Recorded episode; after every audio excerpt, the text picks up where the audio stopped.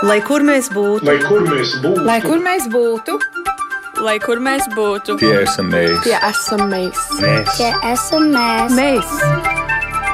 Tas ir par mums. Tas ir par mums. Tas ir par mums.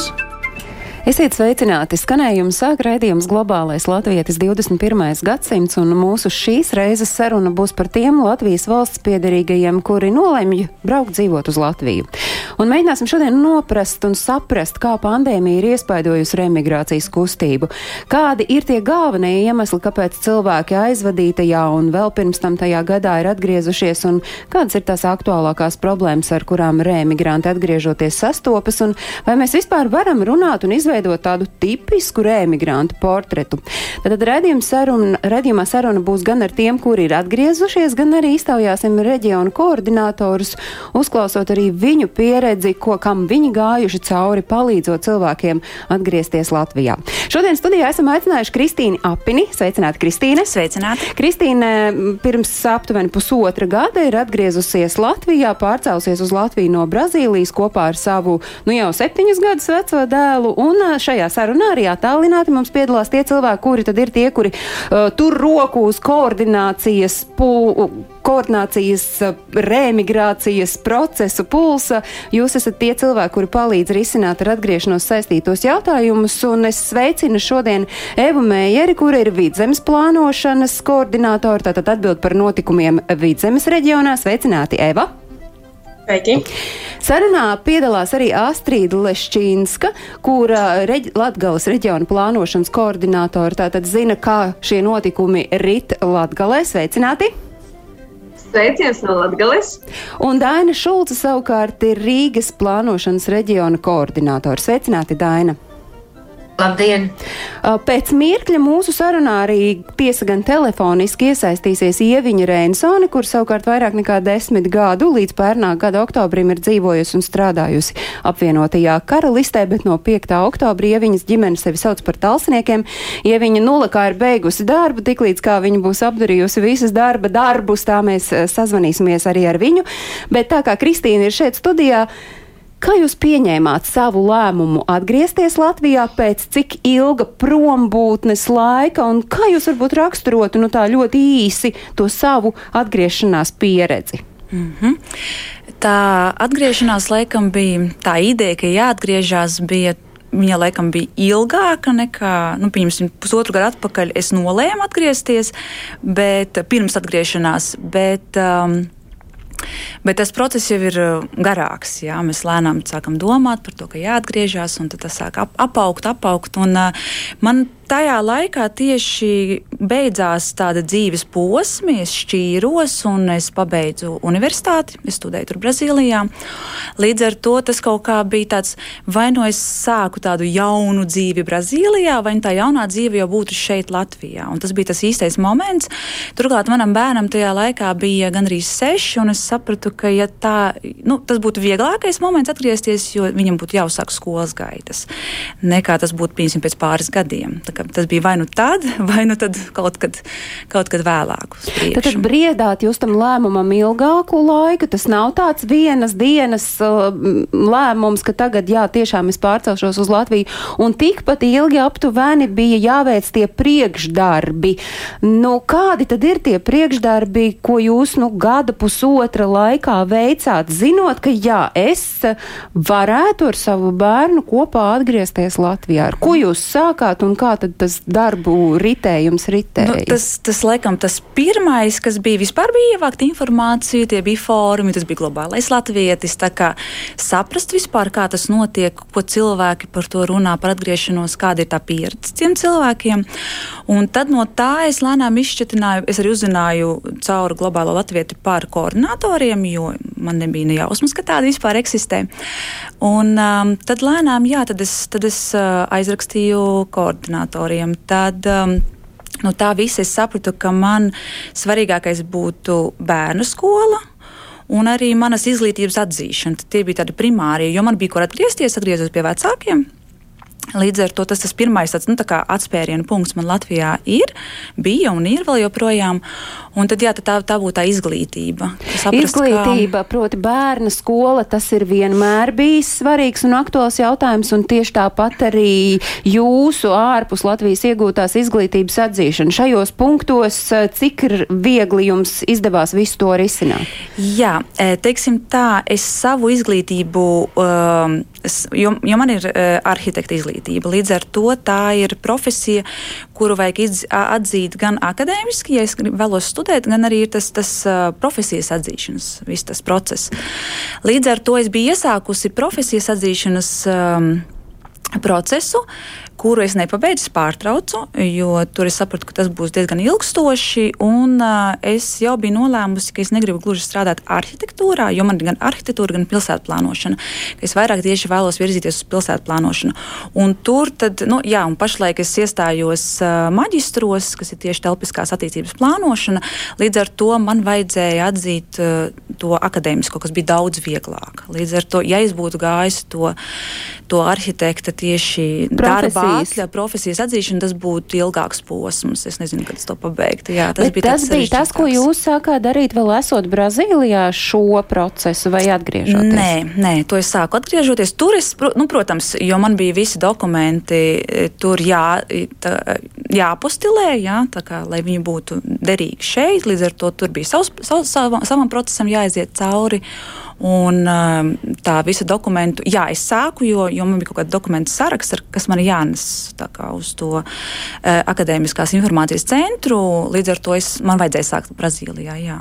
Bet tā tīri iesniegt dokumentus, iesniegt, kad es atbraucu šeit. Nu, un dēlu skolas atrašana un izvēle bija atgriežoties jau vai jop, joprojām esot vēl tomēr Brazīlijā šo procesu jūs es, risinājāt? Jā, es zināju, ka es braukšu uz Salaspili, tas man bija skaidrs uzreiz, man arī koordinātori Daina tajā laikā pajautāja, un uh, viņa man iedeva kontaktus. Uh, e, ja es nemaldos, bija Inga Elksne, kas ir Salaspils domē izglītības daļas vadītāja. Līdz ar to es gāju no visām pusēm. Es gāju, e, oficiāli iegāju, ierakstījos. Um, bērnam bērnu dārza tajā rindā, jo viņam bija pēdējais gads, nu patiesībā pēdējie mēneši palikuši.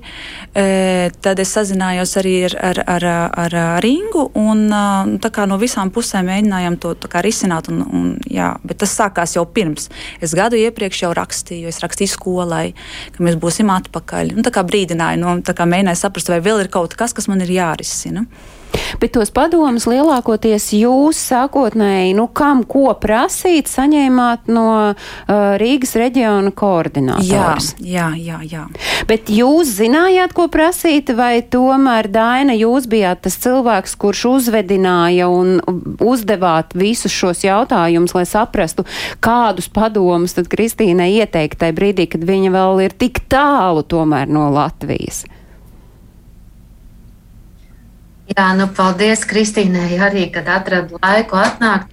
Nu, jāsaka tā, ka tie remigrācijas, uh, remigranti, varētu teikt, ir tādi, kas uh, paši ļoti nopietni pieiet pārcelšanās jautājumam, un ir tādi, kas varbūt tā paviršāk pieiet. Un Kristīna Apina bija tas ļoti pozitīvais gadījums, kas pati ļoti daudz interesējās, rakstīja, vaicāja.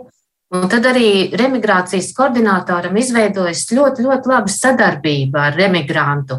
Viņi viens otru ļoti labi saprot. Mēs varam aiziet pat līdz tādām ļoti konkrētām lietām, kā sarunāt tikšanos pašvaldībā, sazināties ar pirmsskolas izglītības vai izglītības iestādes speciālistiem pašvaldībās.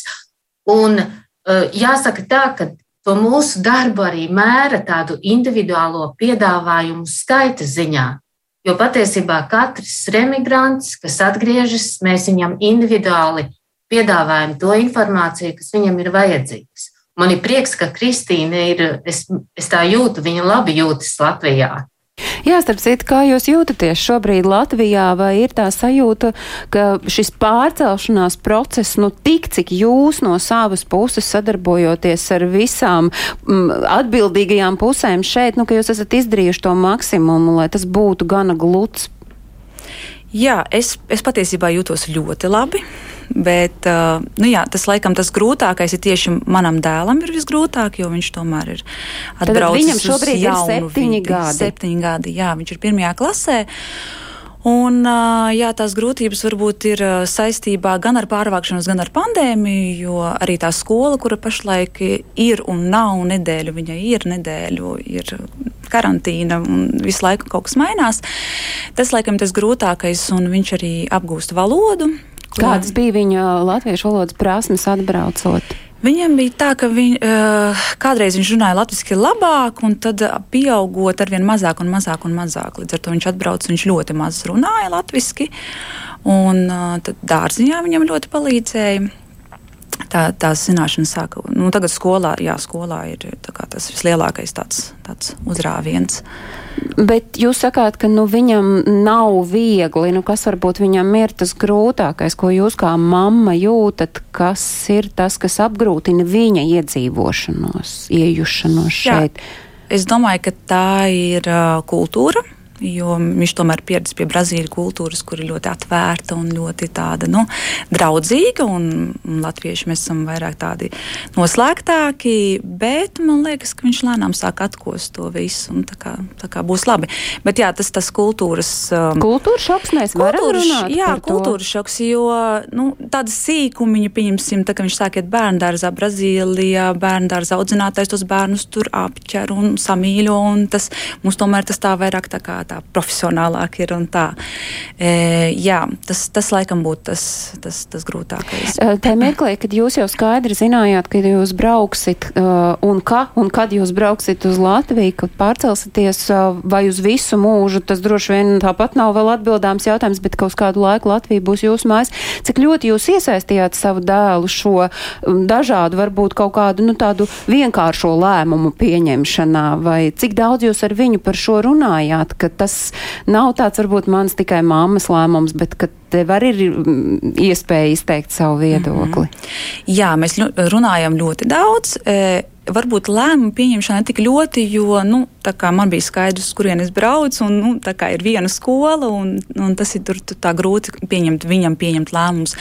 Bet e, mēs ļoti daudz ar viņu runājam. Viņš arī atklāti saka, ka viņam ir grūti, un es arī to pieņemu.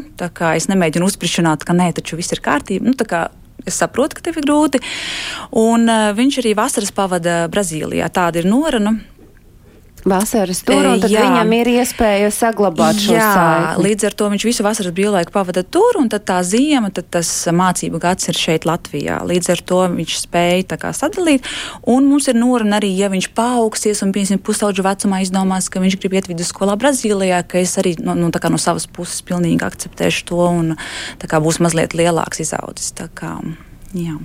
Šai brīdī es saku paldies, bet mēs ar Kristīnu vēl sarunu turpināsim, jo mēs esam sazvanījuši Ieviņu Reinsoni. Ieviņa vairāk nekā desmit gadus, mm, stipri līdzīgi kā Kristīna, ir pavadījusi ārpus Latvijas, tikai uh, atšķirība tā, ka Kristīna bija Brazīlijā, Ieviņa savukārt ar ģimeni līdz pat pērnā gada oktobrim dzīvoja un strādāja apvienotajā karalistē, kur ir strādājusi par paliatīvās uh, aprūpes pansionāta darbinieci. Tātad šobrīd Ieviņas ģimene sevi sauc par tālsiniekiem. Sveiki, Ieviņa, vai mēs eh, vienu otru labi dzirdam? Uh, Jā, es dzirdu, labdien. Uh, jā, mēs varam runāt. Es dzirdu labi. Es jūs dzirdu diezgan slikti, jo šķiet, ka jūs tāds sajūt, ka jūs esat patālu no uh, telefona aparāta, ja jūs varētu mazliet uh, vairāk klausulēt tieši runāt. Ieviņ, kā šobrīd rit jūsu dzīve un ikdiena, kā tā ir sakārtojusies un droši vien arī, kāpēc tieši tālsos esat atgriezusies? Nu, pamazām viss nokārtojās. Uh, Bērnu jau mēs bijām jau kādu gadu iepriekš jau pieteikuši bērnu dārzā, nu, pirms atgriešanās, tā kā mēs jau zinājām, ka uh, mūsu meitiņi varēs iet bērnu dārzā. Tad, kad atgriezāmies, mēs atgriezāmies uh, 5. oktobrī konkrēti. Uh, nu, pēc 12 gadiem no, nosēdātiem Anglijā par medmāsu palietīvajā aprūpē. Uh, tad, nu, sākumā bija tā, ka es es vienā vietā, otrā vietā, bet, nu, pagaidām tagad ir nostabilizējis, ka es esmu palikusi pie vienas vietas, vienas darba vietas, un, un, un uh, nu, dzīve rādīs, kā būs tālāk, bet, nu, nebija tādas lielas grūtības iekārtoties darbā, kā varētu teikt, kā kādreiz, uh, es esmu dzirdējis, ka saka cilvēki, grūti iekārtoties. Nu, līdz tas tādas diena nebija, jo laikam tāpēc, ka mēs jau gatavojamies labu laiku iepriekš abi ar vīru. Es saprotu, ka jūs aptuveni gadu, diezgan līdzīgi arī kā Kristīna, gadu iepriekš jau zinājāt, ka jūs pārcelsities, un tā jautājuma kārtošana pašiem vēl esot uh, Lielbritānijā. Cik gludi un raiti tā ritēja, un kas bija varbūt tie jūsu atbalsta punkti, kas jums palīdzēja, nu, saprast, piemēram, kam, kur, kāpēc ir jāzvana, un vai tieši tam cilvēkam ir jāzvana vai kādam citam? Man bija pavisam vienkārši. Es, es atbraucu atpakaļ savā dzimtajā pilsētā un ar visiem pazīstamiem, ko es satiku, vienkārši visiem izstāstīju savu problēmu, ko es gribu, ko es meklēju. Un tad kaut kā viss tā saslēdzos, ka man vienā brīdī pat trīs darbus piedāvāja. Bet tad jūs vēl pirms tās atbraukšanas, pirms reālās fiziskās pārcelšanās braucāt laiku pa laikam uz Latviju, lai risinātu šos jautājumus? Jā, jā, mēs braucām un, un ko es darīju tādu. Mazliet vairāk jau kā gadu pirms atbraukšanas, ja es sakārtoju savus dokumentus, visu, lai man būtu normāls reģistrs Latvijā. Nu, un tajā brīdī tas bija tā kā vēl pirms Brexita, un tas tas bija tajā brīdī ļoti viegli nokārtot. Man vajadzēja tikai no medmās konsula Anglijā izziņu, kas strādāja, ja, un, un, un tā izziņa man bija jāiesniedz Latvijā, un man automātiski pagarinājās, nu, pagarinājās tas, tas darbības laiks, kas var praktizēt Latvijā. Tad, principā, tas jūsu pārcelšanās procesa laikā to jautājumu risināšana bija pateicoties radiem, draugiem, paziņām, no tādiem cilvēkiem, kurus jūs pirms tam esat labi pazinusi. Nevis šie remigrācijas koordinatori. Zvanīju, ko es darīju? Es pats zvanīju uz Latvijas uh, medicīnas, uh, medmūsu to padomi. Zvanīju un izprasīju, man tur visu vienkārši izskaidroju, ko man vajag. Es rakstīju iesniegumu, dabūju savu, uh, savu uh, PIN kodu, savu reģistrācijas numuru, atjaunoju savu, savu darbību kā medmāsa Latvijā, ja, un man, man aizgāja vienkārši tas ļoti, ļoti viegli. Vīram bija drusku grūtāk, jo viņam vajadzēja, uh, nu, viņam bija jāpameklē, bet viņš arī, nu, trīs nedēļas pameklēja to darbu, meklēja darbu, kamēr redzu, un tad, nu, viņš arī pašlaik ir tā nostabilizējies, viņš pat strādā tagad. Uh, tomēr prasītos, ka jūs ieviņu runājat vēl precīzāk uh, telefona aparātā, jo brīžiem pazūd skaņa. Jautājums par jūsu meitu, cik viņai šobrīd ir gadu un kā viņa ir iejutusies, vai viņai ir viegls šis iejušanās un pārcelšanās periods bijis? Nu, jā, viņa pārcēlās, viņai seši gadi, viņa iet Viņa Anglijā gāja jau skolā pirmajā klasē, bet šeit ar sešiem gadiem viņa, viņai septembrī palika seši gadi, un viņa vēl eh, tā kā skaitījās eh, pēc, šī, pēc Latvijas standartiem bērnu dārzā pēdējo gadu. Nu, un, nu, protams, tur režīms savādāks, valodu viņi ļoti labi jau mācīja, tā, mēs jau paši bijām iemācījuši viņai valodu. Jo mēs mājās latviski sarunājamies, nu tad atlika kādas, nu, divas nedēļas, kamēr viņi iejutās un pierada pie, pie režīma, pie bērniem, pie uh, izglītības sistēmas pašas, ja, Latvijā, nu tā, bet pašlaik viņi ļoti laimīgi un ļoti priecīgi, viņi arī nemaz netaisās braukt atpakaļ uz Angliju, kādreiz mēs uzprasām, nu, vai tu negribētu braukt atpakaļ uz Angliju, kur tad bija labāk? Nē, viņi simt procenti pasaka, Latvijā ir labāk.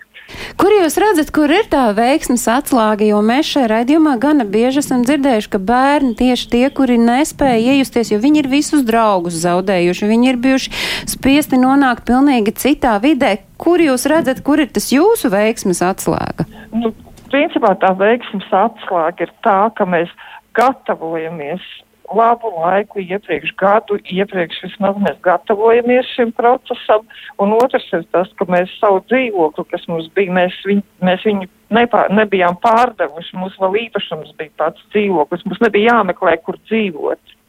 Tā ir, tas ir otrs punkts. Un savukārt, ir...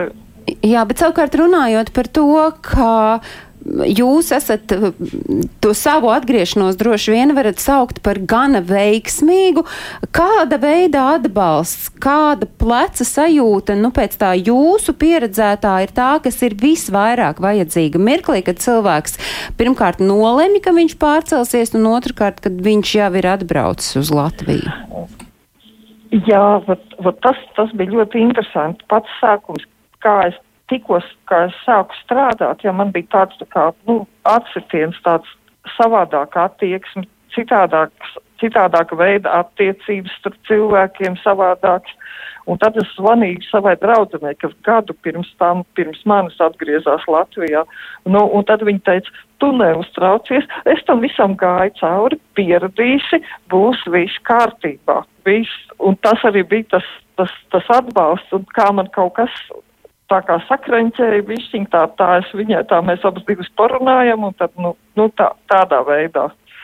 Proti, ir nepieciešams viens, eh, viena atbalsta persona, kādam varbūt tās ir vairākas, kuri ir gājuši kam līdzīgam cauri, jo skaidrs, ka tā arī vairs nav tā Latvija, kuru jūs pirms tiem 12 gadiem atstājāt, un te ir atkal cita, tā ir cita nu, Latvija, un jūs atkal esat cits cilvēks.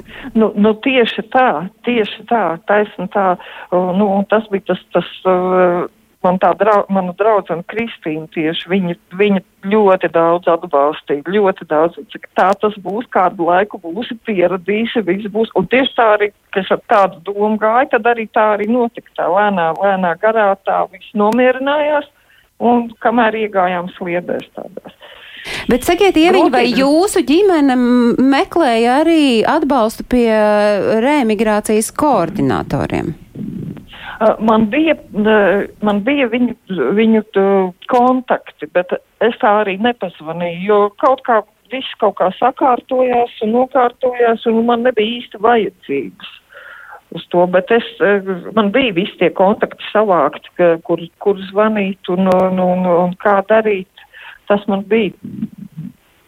Paldies! Es šai brīdī saku Ieviņai Rensonai no Talsiem uh, par uh, jūsu pārcelšanās vai atgriešanās pieredzes stāstu. Nu, lai tad uh, šis jaunais gads arī ir gluds un visi tie varbūt kaut kādi negludumi, kas vēl ir palikuši, ja nu gadījumā pēkšņi, tad lai tas viss atrisinās. Atgādinu, ka šai reizē sarunā piedalās arī reemigrācijas koordinātori un Es iesaistīšu sarunā gan Evu Meijeri, kur ir vidzemes plānošanas eh, koordinātore Astrīda Leščīnska, savukārt pārstāv Latgali un Daina ir no Rīgas. Sakiet, um, Astrīdai varbūt šis varētu būt jautājums. Kā jūs raksturotu, nu, gan, gan Kristīnas dzirdēto pieredzes stāstu, gan, gan arī tikko kā ieviņas stāstīto un to savu ikdienas darba pieredzi, vai šie ir tādi uh, tipiski, un vai mēs vispār par remigrāciju runājot, varam lietot tādu tipisks gadījums.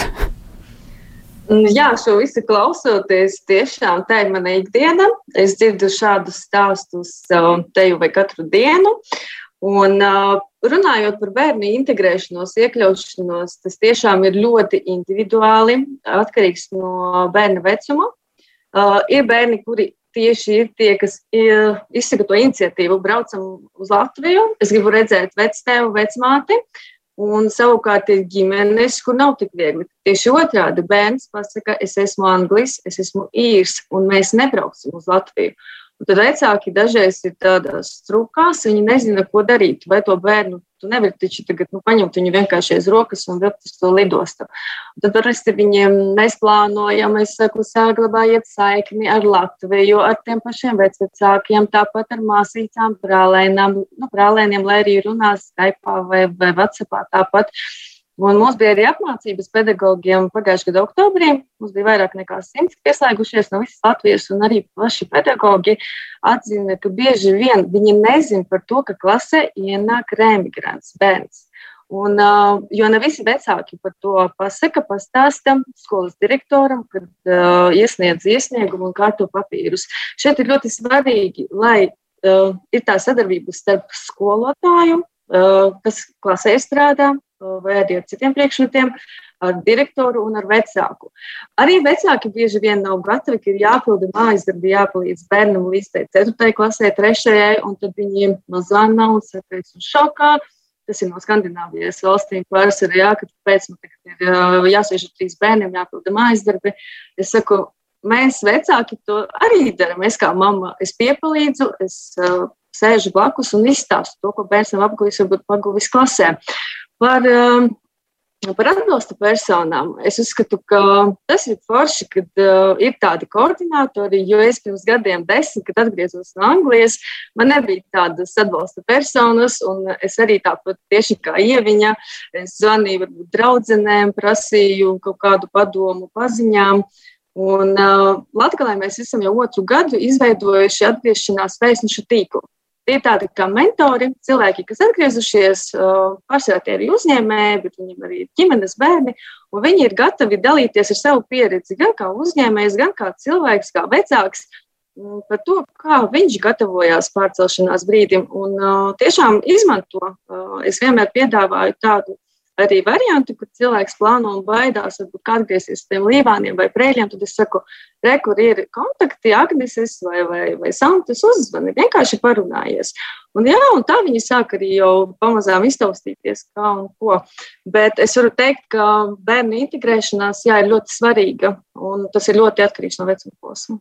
Bet, ja mēs runājam, un te es skatīšos uz Evu Meijeri, Vidzemes reģiona plānošanas koordinātori, gan Kristīnas, gan Ieviņas gadījumā, nu, gadu iepriekš cilvēks sāk pamazām gatavoties. Vai jūs no sava skatu punkta raugot varat pateikt, nu, ka ir, nu, nu, cik apmēram ilgu laiku iepriekš ir jāsāk tīri arī kaut kādas tehniskas lietas kārtot, tad, kad tu to lēmumu esi pieņēmis, un, un cik daudz jums ir nācies iedrošināt un palīdzēt palīdzēt cilvēkiem visus šos jautājumus kārtot? Nu, jāsaka tā, ka atšķirībā no savām kolēģiem, es esmu tāds ļoti svaigs kadrs un man pieredze nav, nav tik liela. Taču, protams, šis tas ir sakrājies un es klausījos ar lielu prieku patiesībā šīs abas pieredzes, jo uh, Cilvēki ir ļoti dažādi. Arī ar mani ir sazinājušies tādi, kas plāno atgriezties, piemēram, šī gada vasarā un sazinājās ar mani jau, jau oktobrī, kad es sāku savu darbu. Um, pavisam nesen sazinājās vīrietis, kurš uh, ar savu ģimeni plāno atgriezties 23. gada vasarā, un uh, viņi tātad jau par šīm lietām sāk domāt tagad. Un, un arī tie, tie jautājumi ir, protams, dažādi. Nu, kādam tas ir uh, dēļ bērniem, kuriem jāsāk iet skolā, līdzīgi kā Kristīnas gadījumā. Uh, ir tādi, kas vēlas uh, iegādāties īpašumu un tikai tad pārcelties atpakaļ. Šobrīd tā tendence ir uh, skatie, skatījums un nevis skatiens uz laukiem. Uh, jo pieļauju, ka to arī nedaudz ir šī Covid situācija ietekmējusi, ka pilsēta vairs nav tik ļoti modē un ir, ir forši, ka var aizbraukt uz laukiem svaigā gaisā. Uh, Tādēļ ir tā grūti pateikt, kas ir tas ideālais brīdis, kad sāk gatavoties, bet droši vien, ka jo, jo ātrāk, jo labāk. Tas ir ļoti atkarīgs no tiem jautājumiem. Ja ir, teiksim, ja ir mājoklis, kā ieviņas gadījumā, tad uh, varbūt nu, tas, tas nav jautājums, uz kuru tā jāskatās. Bet, uh, ja ir jautājumi par bērniem, tad par to ir jādomā ātrāk. Un, uh, man ir bijuši arī daudzi jautājumi par pabalstiem. Un ir cilvēki, kas nu, vilcienu ir nokavējuši, teiksim tā, jo par, arī par tām lietām ir jādomā pirms atgriešanās, ja vēlas savus, piemēram, bezdarbnieku pabalstus pārcelt, tad ir zināmas lietas jās, jāsakārto arī mītnes valstī. Nu, tā īsumā. To mājas darbu noteikti ir gana daudz, kuri ir jāizdara vēl uh, pirms atstāt mītnes zemi, bet vai jums no sava darba ritma skatoties, jūs nu, varat varbūt noraksturot tās situācijas, vai un kad ir vajadzīga uh, reemigrācijas koordinātora iesaiste? Nu, kad jūs teiktu, nedomājiet uh, ilgāk par divām minūtēm, vienkārši ņemiet telefonu un, un zvaniet mums. Sāksim varbūt Daina ar jums. Jā, es varu teikt to, ka remigrācijas koordinātora atbalsts un iesaiste ir vajadzīga vienmēr. Ja šo raidījumu klausās mūsu tautieši Latvijā, lūdzu rakstiet, zvaniet, dodiet mums par sevi ziņu. Mēs dien dienā strādājam ar tik daudz sensitīvu un personīgu informāciju, un tas paliek tikai starp mums. Un es nevaru iedomāties gadījumu, kad nebūtu vajadzīgs remigrācijas koordinātora atbalsts. Jo viena lieta ir tas, par ko Eva un Astrīda stāstīja par to visu lietu sakārtošanu, vēl esot mītnes zemē, bet ir jāatcerās viena lieta, kad jūs atgriezīsieties Latvijā, jūs saskarsieties ar jaunu izaicinājumu, jo jūs atrodaties reālā Latvijā, reālā Latvijas sabiedrībā, ko jūs nevarat sakārtot vēl esot mītnes zemē. Un mēs esam tie cilvēki, un man arī Pēc atgriešanās daudz emigranti zvana un daudz ko vaicā, un, un, un mēs visus palīdzam, teiksim, cik vien pozitīvi mēs to varam. Jo patiesībā atgriežoties, emigranti saskarās ar to, ka kopumā Latvijas sabiedrība it kā nav viņiem gatava, varbūt viņi pat saskarās ar to, ka eh, ne jau tikai mēs, kā valsts un sabiedrība viņam, viņiem gribam dot un palīdzēt. Bet paši remigranti arī ir pilni ar visādām idejām, pozitīvām domām. Un es vienmēr to esmu teikusi, ka remigranti mūsu sabiedrībā ir ļoti, ļoti liela pērle sabiedriskā. Jo viņi ir redzējuši tik daudz, viņi ir sapratuši tik daudz, mums vienkārši arī jāpalīdz viņus integrēt visā mūsu sabiedrības dzīvēm. Kristīna, jūtaties kā pērle numur viens un otrs, kas tad varbūt ir tie izaicinājumi, ko jūs pati redzat tagad pēc jau tāda laika, ko esat pavadījuši šeit, ar ko jums ir nācies saskarties? Jā, es, es godīgi sakot, jā, es jūtos labi šeit. Līdz ar to man nav tādu, tā kā, nu, es laikam tiešām, kā jau es atgriežos, nevis tā kā mans bērns brauc, brauc dzīvot uz jaunu vietu. Līdz ar to es zināju, ar ko mums jāsaskarās. Un um, laikam uh, arī runājot par to, par to kultūrālo pusi. E, Man liekas, kas ļoti, ļoti bieži dzirdama no, no citiem cilvēkiem, kas atbrauc atpakaļ, ir tas, ka, nu, jā, nu, Latvijā nu, viss ir īgni un dusmīgi un tāda un tāda. Bet es laikam eju ar tādu domu, ka es tāda neesmu. Līdz ar to man arī pretī cilvēki ir savādāki. Līdz ar to nevis es gaidu, ka kāds ar mani būs laipns vai jauks, bet es eju ar tādu pozitīvu attieksmi. Līdz ar to. Man godīgi sakot, man nav tādu nekādu grūtību, laikam, ar kurām es varētu teikt, ka man, man ir pašlaik grūti. Man ir, es, es skatos vairāk tā, ka tas ir tāds posms, jo es tagad studēju, es tagad strādāju nepilnu slodzi, un tas var būt nu, tā, tā, tas tāds pāries posms, lai pēc gada diviem būtu labi. Runājot par darbu, puslodes darbs, cik vienkārši bija atrast, un vai to jūs atradāt jau tad, kad bijāt šeit Latvijā? Jā, patiesībā es biju uzsākusi strādāt ne savā jomā. Es nostrādāju deviņus mēnešus pārdošanā, kas vispār nav, kā, nav, nav, nav gluži mans, bet tas bija tāds labs pārējais posms. Un to es dabūju, esot jau Brazīlijā. Nē, es nosūtīju CV tajā laikā, kad es biju Brazīlijā, un es atbraucu, un es pēc pusotra mēneša sāku strādāt. Un tur man palīdzēja mana portugāļu valoda. Līdz ar to jā, tas, tas bija tas, kas man bez pieredzes mani pieņēma darbā, un, un, un, un tas bija tāds labs pārējais posms. Bet runājot vispār par atbraukšanu uz Latviju, nu mēs dzirdējām, šķiet, ka Astrīda bija tā, kur teica, ka bieži vien vecāki, piemēram, skolā pat nemaz nepasaka, ka mēs lūk esam tādu, ka šis bērns varbūt vispār ir pirmo reizi tādā īstā dzīvē Latvijā. Vai no jūsu pieredzes skatot tam tomēr būtu, tai būtu jābūt informācijai, ko, ko jūs saviem darba kolēģiem vai studiju kolēģiem vai bērnu skolā viņa draugiem sakāt, ka, lūk, mēs nākam ar šādu pieredzi, ka tas nav, tā nebūtu, tai nebūtu jābūt slēpjamai informācijai. Jā, man tas liekas dabīgi, jo Es nezinu, cik daudz skolā vecāki zina, ka, pieņemsim, Markus ir atbraucis nesen, jo mums nav īsti nu, pandēmija, jo mēs īsti nesatiekamies, mēs nevienu neredzam. Mēs uh, atvedam bērnu līdz skolai, līdz durvīm un viss, un nav, nenotiek tā komunikācija, varbūt tā kā gribētos. Bet klases audzinātāji pilnīgi noteikti zina, un, un, un, un vienmēr esmu arī teikusi, ja kaut kas ir vajadzīgs, pieņemsim, ar to pašu latviešu valodu, vai ja mums mājās jāpas, jāpastrādā pie kaut kā, un tā kā klases audzinātāji skolotāji ļoti pretīmnākoši, un, un jā, mēs viņu informējām. Un, un, un, un kolēģiem, jā, tas laikam tā dabīgi, jo ļoti grūti uzsākt kaut kur, nezinu, atnākt uz kādu vietu un, un vienkārši pate, nepateikt, ka tu esi atbraucis no kaut kurienes. Jā. Jūs pieminējāt vārdu pandēmija un jūsu atbraukšanas brīdis jau, jau mēs sapratām, ka pasaule vairs nebūs tāda. Un tomēr tas neapturēja jūs un nelika pārdomāt šo lēmumu braukt uz Latviju, tas, ka pasaulē tai brīdī jau bija pandēmija?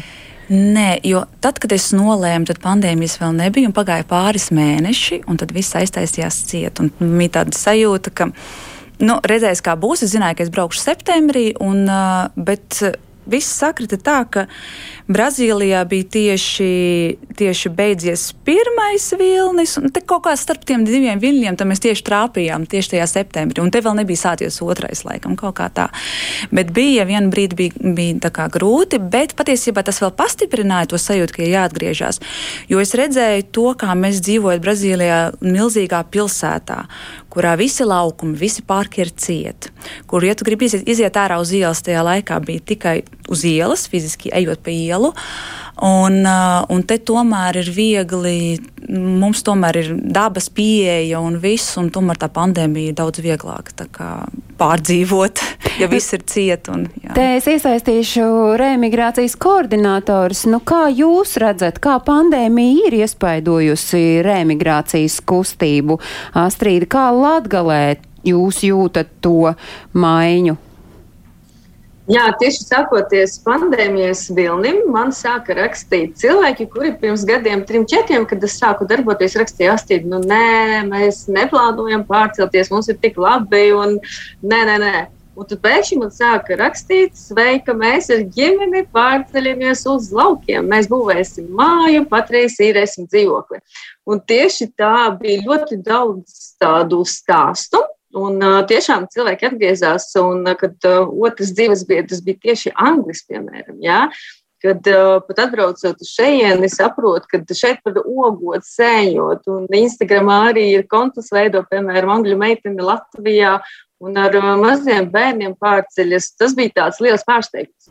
Bet tagad, kad pandēmija pie mums ir jau nu, uz tādu ilgāku laiku uz palikšanu, tas joprojām ir tikpat aktīvi, vai tagad var par 2021. gadu jūs jau runājat, ka vairs nu, nav tas uh, bums tāds, ka nu tik visi brauc mājās? Vai joprojām? Nē, nē, nē.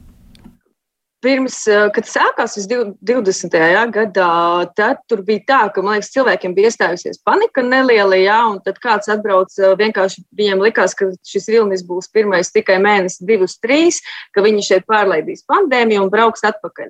Bet ģimenes sekmīgi, piemēram, šeit iekārtojās un saprata, ka šeit arī varētu palikt uz dzīvošanu. Un es varu arī uzteikt pašvaldības, kas ir arī piešķīrušas dzīvokļus remigrantiem tādos gadījumos, kad nav kur palikt un, un nu, tā kā jauna ģimene izveidota. Ir dažādi, vai arī kādu ir atturējusi pandēmija atgriezties. Kāds, kurš man teica, ka es atgriezīšos 20. gada aprīlī, nē, viņš saka, ka es tomēr nogaidīšu ārvalstīs, jo tur bija pabalsti tieši jākapjas mājās, atroties sēdi un, un pabalsti lielāki. Šeit ir ļoti dažādi, bet patreiz ir ļoti stabili. Šis gads uh, ir aizritējis tāpat kā pagājušais gads. Vienmēr ir bums ar atgriešanos augusta sākumā, kad vecāki zvana, bērnus jāiekārto pirmajā klasē. Šis jau tāds katra gada jau tās lielākais būs tieši 1. septembrī. Jā, Tad jau tas nozīmē, ka reemigrācijas koordinātori nedrīkst vasarā ņemt nemaz atvaļinājumu, jo tas ir tas aktīvākais, ražīgākais darba periods. Vidzemē, Eva, arī ir tā, ka jūs jūtat, ka pandēmija ir veicinājusi atgriešanos, vai tomēr jūs redzat, ka neapdomīgāk ir? Nu, es gribētu tomēr teikt, apdomīgāk, un līdzīgi kā Astrīds piemērs, kur cilvēki bija plānojuši atgriezties, bet tomēr ir mazliet atlikuši. Uh, bet ir iezīmējusies tāda, nu, es teiktu, pat tendence mm, domāt par attālināto darbu, bet tādā jau pārobežu kontekstā. Strādājot uh, ar iespēju strādāt savā mītnes zemē, bet tomēr atrasties jau Latvijā. Uh, ir, ir bijuši vairāki jautājumi tādi, un, uh, nu, protams, tas jau nav nu, nu, es nevaru pateikt, vai tas tā būs, vai tas tā nebūs. Tas nu, tad jau manīsim. Es domāju, ka tas ir ļoti daudz arī atkarīgs no tā, vai būs šī nomadu vīza ieviesta, kā arī nu, uh, dzīves biedrs var braukt arī tad, ja viņš nav latvietis un, un arī strādā attālināti. Uh, tā, Daina, gan par tām tendencēm, gan varbūt es varu arī lūgt jūs raidījuma noslēgumā uh, atgādiniet, kuras tad ir tās būtiskākās vietnes, mājas lapas, kur meklēt informāciju un kas būtu jāzina cilvēkiem, kuri vēlas atgriezties. Tā, tad es sākšu ar to būtiskāko, lai aiziet kontaktu informāciju.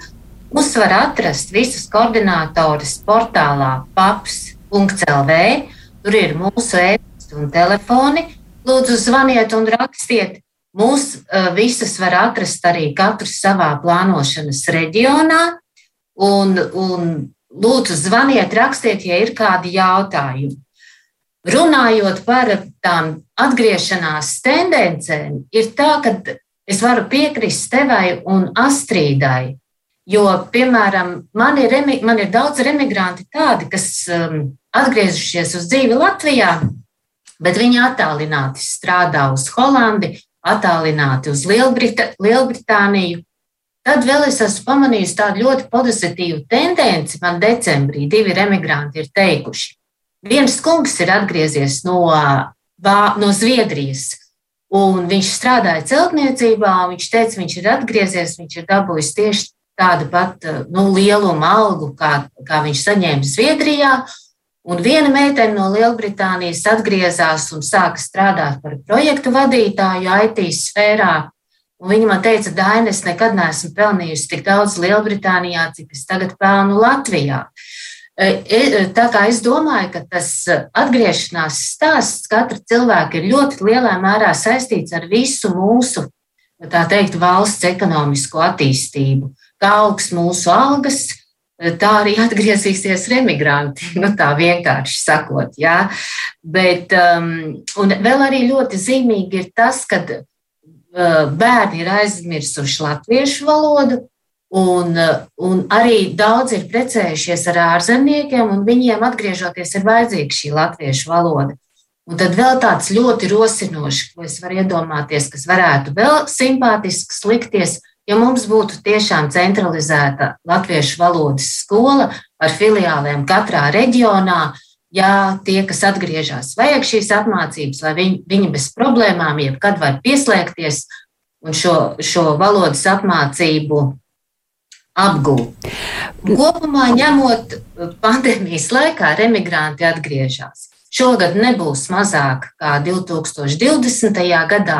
Iemesli, kā jau kolēģis teica, ir ļoti dažādi. Cits no Norvēģijas nevar pārcelties, tāpēc ka viņš nevar pārdot māju, lai šeit atkal kaut ko iegādātos. Bet um, tā teikt, interesi atgriezties ir.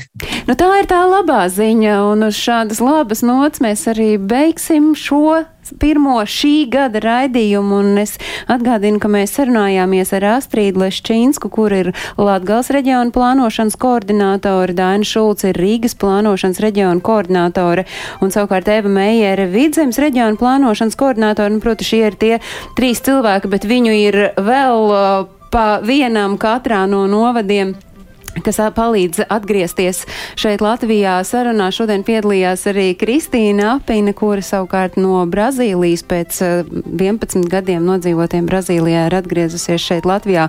Un šobrīd Kristīna saka, ka ir veiksmīgs bijis šis atgriešanās process, lai jūsu dēlam izdodas arī tikt ar, ar visām tām grūtībām galā. Es atgādinu, ka ārpus Latvijas dzīvojošajiem aktuālo notikumu kalendāru jūs varat meklēt portālā latviešu.com. Turpat arī varat skatīties mūsu raidījumu raidījumu. Tieši tāpat kā to jūs varat skatīties Latvijas Radio 1 mājaslapā.